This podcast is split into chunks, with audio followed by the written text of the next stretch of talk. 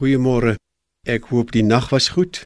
Ek kan my indink dat nie baie van julle wat na my luister en jy spesifiek wat vanmôre hierdie woord hoor, 'n kans het om die Bybel oop te maak nie en miskien agter 'n moeder se stuurwiel reeds sit op pad werk toe. Wat ook al die omstandighede, ek gaan verwys na 'n teks in 1 Petrus hoofstuk 1 vers 3 tot 6 Die feit dat ons nuwe lewe is ons hoop en ons swaar kry leer ons fokus op God. Leer ons hoop. Ons swaar kry leer ons hoop. Dis in hierdie brief onbetwyfelbaar duidelik dat die apostel Petrus vir hulle wil herinner daaraan dat hulle swaar kry nie buite die plan van God is nie. Hy weet daarvan. En hy's by hulle en hy gaan hulle swaar kry gebruik om hulle lewe net nog meer aan hom vas te maak.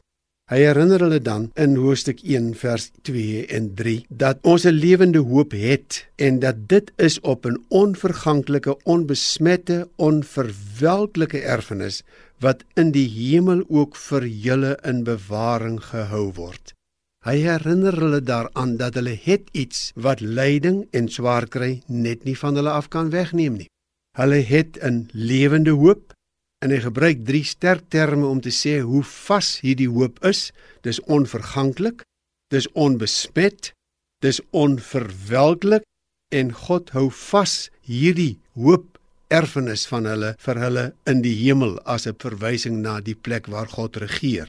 En omdat jy glo, word ook julle deur die krag van God veilig bewaar vir die saligheid wat reeds gereed is om aan die einde van die tyd geopenbaar te word.